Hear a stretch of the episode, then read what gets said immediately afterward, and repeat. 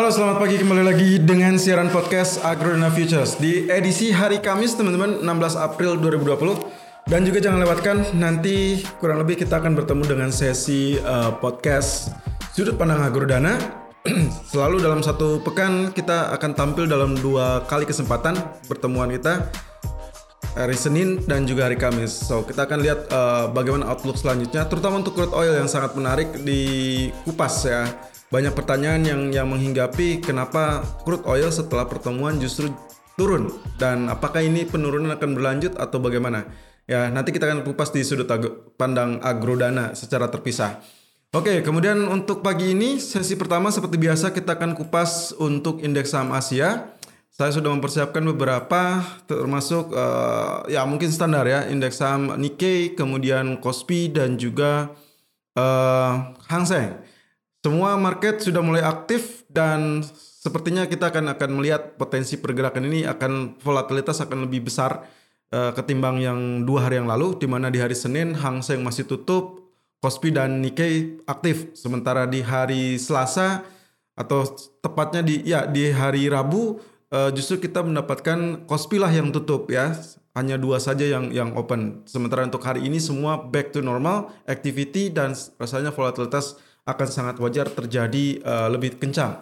Bahkan beberapa hal yang menarik di sini salah satunya adalah semua indeks saham Asia berada di kisaran area resisten yang kecenderungannya antara dua, antara dia akan ditembus atau justru akan kembali ditekan dalam pola penurunan. Nah, itu yang akan saya kupas terutama untuk indeks saham Asia ini uh, daily dengan H4 kecenderungannya berbeda arah ya. Di mana dalam daily chart uh, candlestick menunjukkan potensi akan terjadinya bearish reversal, tapi di dalam grafik H4 justru potensi tersebut sudah menunjukkan tekanan sudah ada dan bahkan sudah menyentuh area support kembali.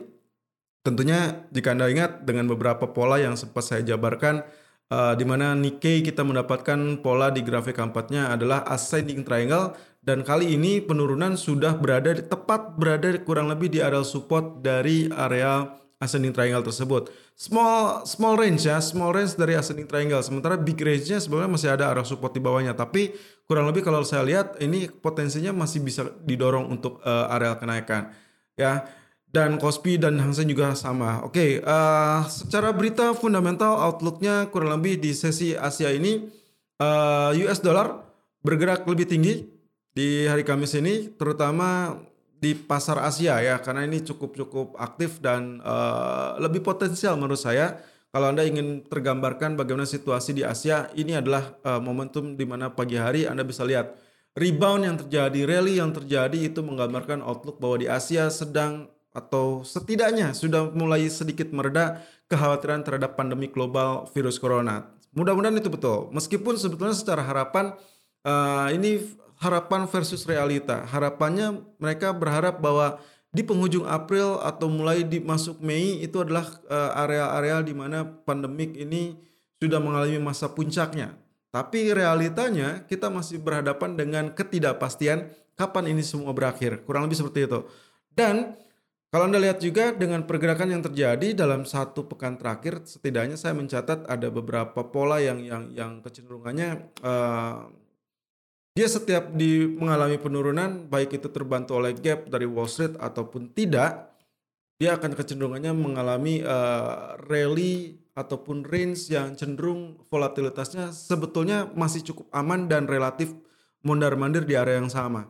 Ya, Anda perhatikan dalam satu pekan terakhir area support, area resisten itu masih berada di area tersebut. Kalau kita gambarkan secara pola teknikal itu sebetulnya pola ranging sideways masih dalam pola uh, rectangle ataupun pola yang kecenderungannya rectangle uh, up ataupun rectangle dalam pola turun. Jadi sebetulnya ini tinggal menunggu waktu mana yang akan pecah atau yang di break apakah areal resisten atau areal uh, supportnya ya kurang lebih seperti itu. Nah di dalam Nikkei daily chart menunjukkan pola candlesticknya sebetulnya ada bearish harami teman-teman itu ditunjukkan dengan potensi yang terjadi dari uh, candlestick yaitu di tanggal ya terutama dua dua candlestick terakhir ya uh, di tanggal 14 dan tanggal 15 kemarin. Ya, kalau teman-teman perhatikan di grafiknya itu bullish candle di tanggal 14 April, lalu tanggal 15 Aprilnya justru bearish candle. Nah, apakah ini bisa menjadi patokan? Sayangnya dalam satu atau dua bulan terakhir saya melihat potensi dari uh, pola candle ini nggak bisa di, diharapkan. Jadi kalaupun kita sebut ini bearish harami, ternyata kelanjutannya bukan penurunan, tapi justru kita mendapatkan bullish candle. Ya, itu sempat terjadi kurang lebih di satu pekan terakhir saja di tanggal 9 April itu bullish candle ditemani dengan uh, ada gap down lalu kemudian bearish candle di tanggal 13 April ya tapi di tanggal 14 Aprilnya justru bullish dan dia up ya dia gap up kemudian dia bullish candle artinya kali ini pun hampir memiliki area yang sama ya. Dan juga beberapa candle sebelumnya itu bisa anda lihat dalam uh, uh, channel YouTube kami Agrona Futures Official. So untuk hari ini saya rasa meskipun trennya dia akan mengalami penurunan secara pola candle, tapi kalau kita tarik garis lurus, trend line menunjukkan bahwa dia sedang berada di di persimpangan antara uh, bullish dan uh, bearish, yaitu area ascending line yang kemarin saya sebutkan. Detailnya Anda silakan lihat di dalam channel YouTube kami Agrona Futures Official dan saya memberikan remarks di situ kalau ditembus area garisnya maka tren akan berubah Ya, dan ingat 50% retracement berada di 18790. Jadi kita memiliki area di mana yang uh, pemuncaknya kalau misalkan garis ditembus ada tantangan lain di area 18790. Jadi menurut saya garis ini kurang lebih ada di kisaran 18790 ataupun 18800 ya. Kalau itu ditembus, kita confirm bahwa ini akan di berikutnya akan terjadi pola penurunan ya. Tapi kalau misalkan ini tidak ditembus alias dia masih tetap sustain di atas areal garis ini, maka kita masih akan melihat pola bullish dalam beberapa kesempatan ke depan.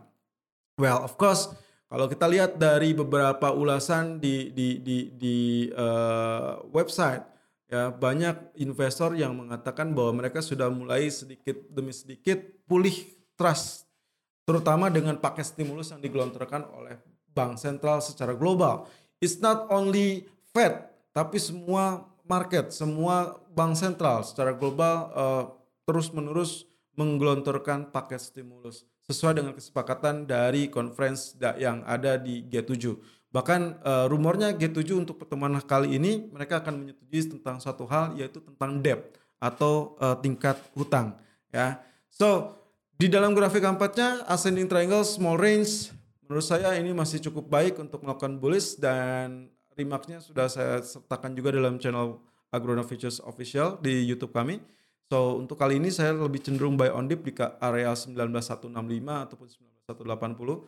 Sebetulnya area buy-nya itu di 120 atau di 100 ya, tapi kurang lebih e, begitu saya lihat grafiknya running sudah berada di 275 ya. Untuk kali ini pun sudah ada di 19265 dan areal terendah 19125. So, jika terjadi uh, pullback ataupun any any level ya, kalau dia ada terkoreksi katakanlah di 19200 itu masih areal buy Anda yang cukup baik. Target saya sebetulnya kalau 19165 dapat areal buy-nya, target saya di 19235 ataupun 19300 ya.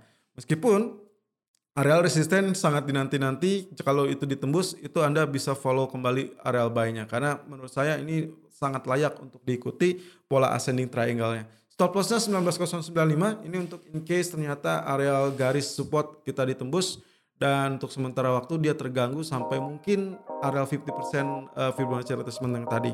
Oke, demikian untuk Nikkei. Selalu gunakan stop loss dan risk management sesuai dengan equity dan strategi trading Anda.